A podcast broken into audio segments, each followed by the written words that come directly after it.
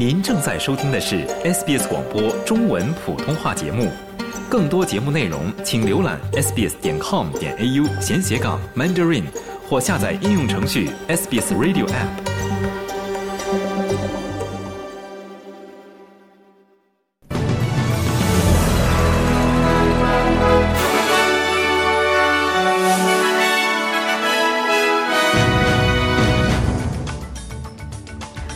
西部将面临极端火灾风险，巴勒斯坦总理已提交辞呈。超过一百万澳大利亚人感染了心脏瓣膜疾病。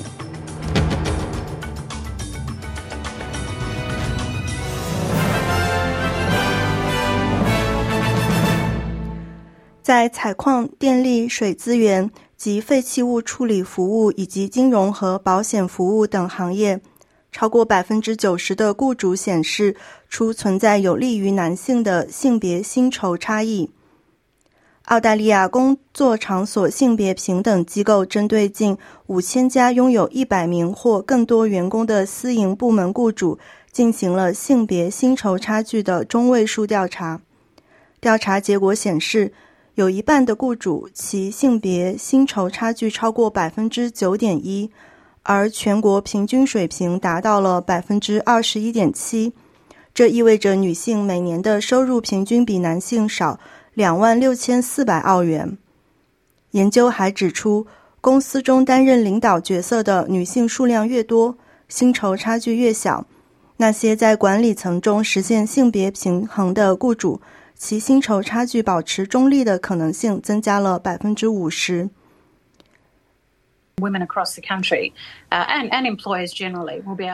全国各地的女性和广大雇主将能够关注他们的发展情况。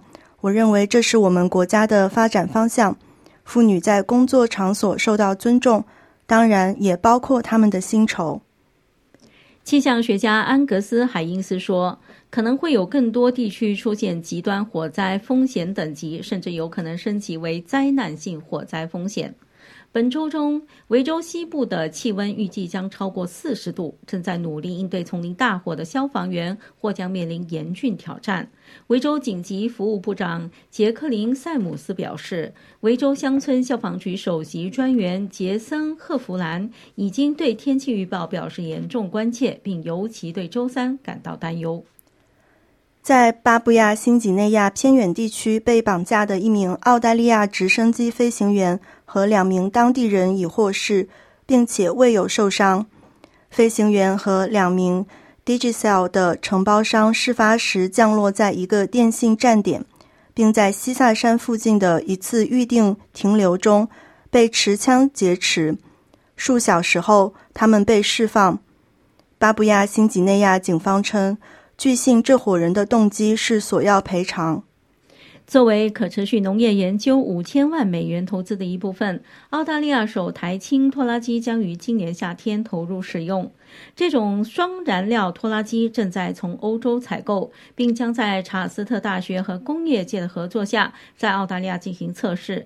由于澳大利亚缺乏氢燃料站，该拖拉机需要满足各种法规要求，同时还将开展氢燃料供应方面的研究。该大学表示，希望能够支持农民改善土壤健康，减少农场温室气体排放。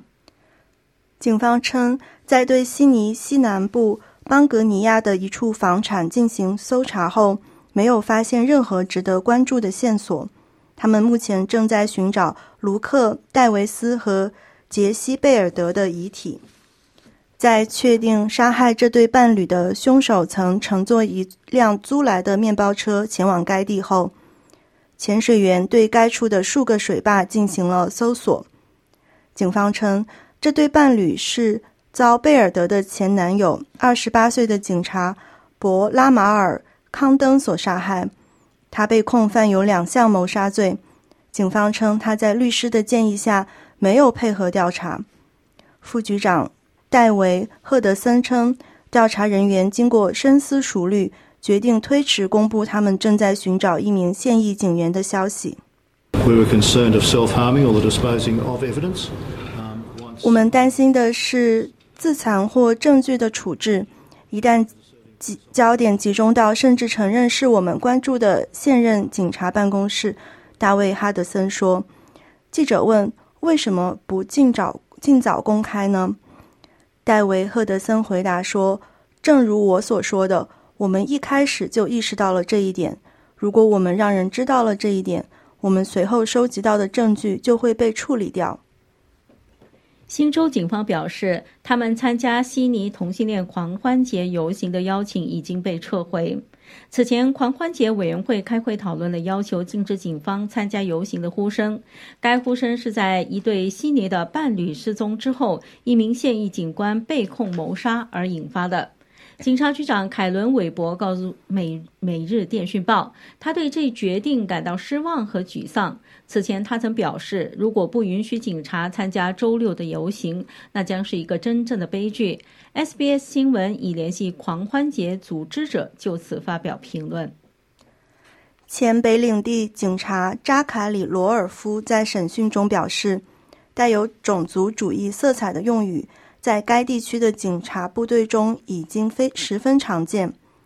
这名曾开枪打死库曼贾伊沃克的前警官，在该地区持续时间最长的原住民青少年枪杀案的审讯中出庭作证。他告诉验尸官，在爱丽丝泉警察局的集合室里，他几乎每天都能听到一些种族主义言论。罗尔夫被判谋杀、过失杀人和参与暴力行为致人死亡的罪名皆不成立。审讯将于今天继续进行。网络犯罪小组侦探在对 SMS 网络钓鱼骗局进行调查之后，对三名男子提出指控。据称，该骗局负责发送超过八千万条欺诈短信。Strike Force Canby 由反网络犯罪小组成立，旨在调查用户身份模块盒的使用情况。这是用于发送包含欺诈链接的批量短信的电子设备。这些短信通常声称来自合法机构，但包含将受害者引至虚假网站的欺诈链接。一份新报告显示，超过一百万澳大利亚人感染了心脏瓣膜疾病。慈善组织 Heart for Heart 发现，到2051年，患有心脏瓣膜疾病的人数将达到43万五千人。心脏瓣膜疾病是一种危及生命的疾病，其症状包括呼吸短促、心悸和疲劳。联邦议员玛利亚·万瓦基努表示，在这个问题上，澳大利亚多元文化社区缺乏适当的信息。A large number of Australians.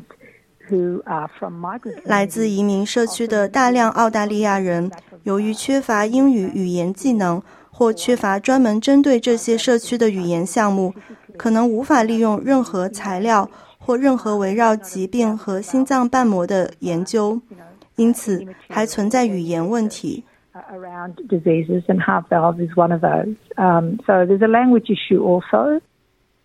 珀斯原住民说唱音乐的大型表演首次进行巡演。在过去的三年里，约书亚·埃金顿一直在举办布卢街区派对，以庆祝原住民文化。街区派对已于二月份在布鲁姆、杰拉尔顿和巴塞尔顿举行了演出，其中还有另外七名被选中参加地区巡演的艺术家。他们正在 Twisthead 的说唱歌手 J.K. 四十七作为三名评委之一的比赛中争夺最后一场街区派对表演的席位。您正在收听的是 SBS 中文普通话节目。接下来，我们关注国际方面的消息。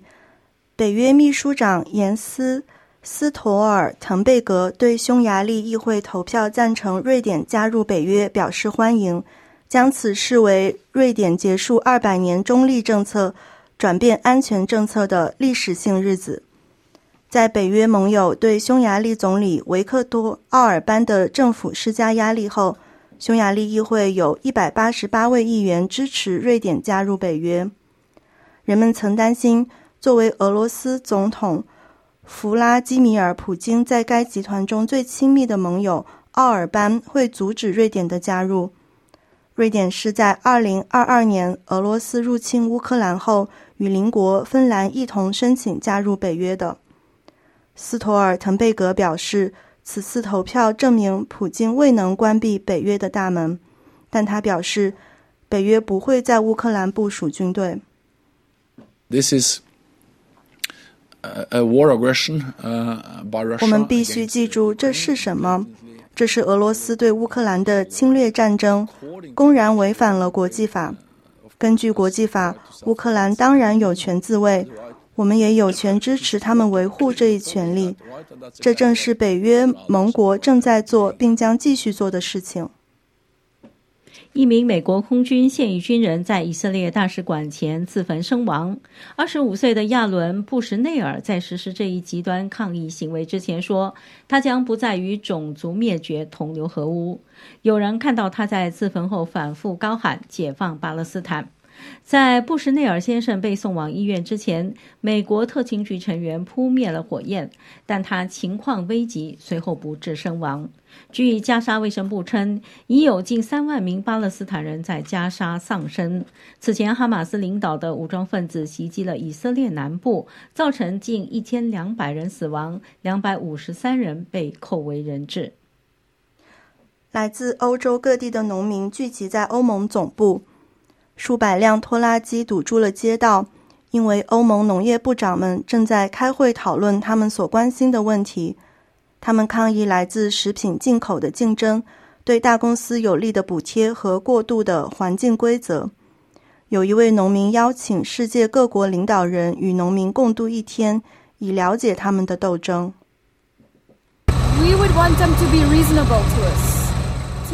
我们希望他们对我们通情达理。与我们一起在田间劳作一天，或与马匹或动物一起劳作一天，看看他们给我们制定的规则有多么不容易。这就是我们想和他们谈谈的原因。他们要求撤销一些世界上最先进的应对气候变化和保保护生物多样性的措施。他们认为这些规则正在损害他们的生计，并用繁文缛节扼杀他们。巴勒斯坦总理穆罕默德·史塔耶赫已经向马哈茂德·阿巴斯总统提交辞呈。巴勒斯坦权力机构统治着被占领的约旦河西岸部分地区。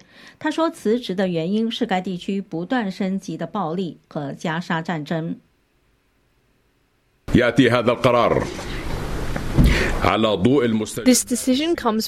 这一决定是基于政治、安全和经济方面的事态发展做出的。这些事态发展与对加沙人民的进攻，以及西岸和耶路撒冷前所未有的局势升级有关，与我们的人民和巴勒斯坦事业所面临的情况有关，也与我们的政治制度所面临的前所未有的攻击有关。这是在美国施加压力，要求巴权力机构建立一个政治框架，以便在战争结束后管理一个巴勒斯坦国的情况下做出的决定。以色列表示不会接受巴勒斯坦权力机构在战后对加沙的统治。接下来，我们关注体育方面的消息。橄榄球联盟中，亚当·雷诺兹与布里斯班续签了一年的合同。野马队首任队长沃利·刘易斯对这一签约表示欢迎。称这位老将是俱乐部传奇人物艾伦·兰格那样的出色的沟通者。这位三十三岁的队长在俱乐部效力两年后，于本赛季结束时解除了合同。目前他的合同将持续到二零二五年底。接下来，我们来关注澳大利亚元的汇率。在国际货币市场上，一澳元可以兑换零点六五三美元，一点零五九新西兰元。同时，一澳元可以兑换。四点七零三元人民币，五点一一三港币，二十点六三八新台币。再来了解全国各主要城市今天的天气情况。